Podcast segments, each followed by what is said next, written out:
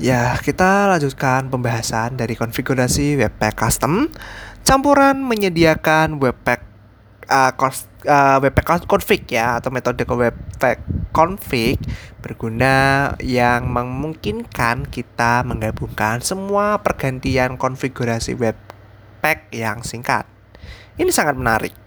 karena tidak mengharuskan kita untuk menyalin dan memelihara salinan webpack.config .js file kita sendiri. Webpack config ini menerima sebuah objek yang harus mengandung konfigurasi webpack spesifik yang kita ingin terapkan.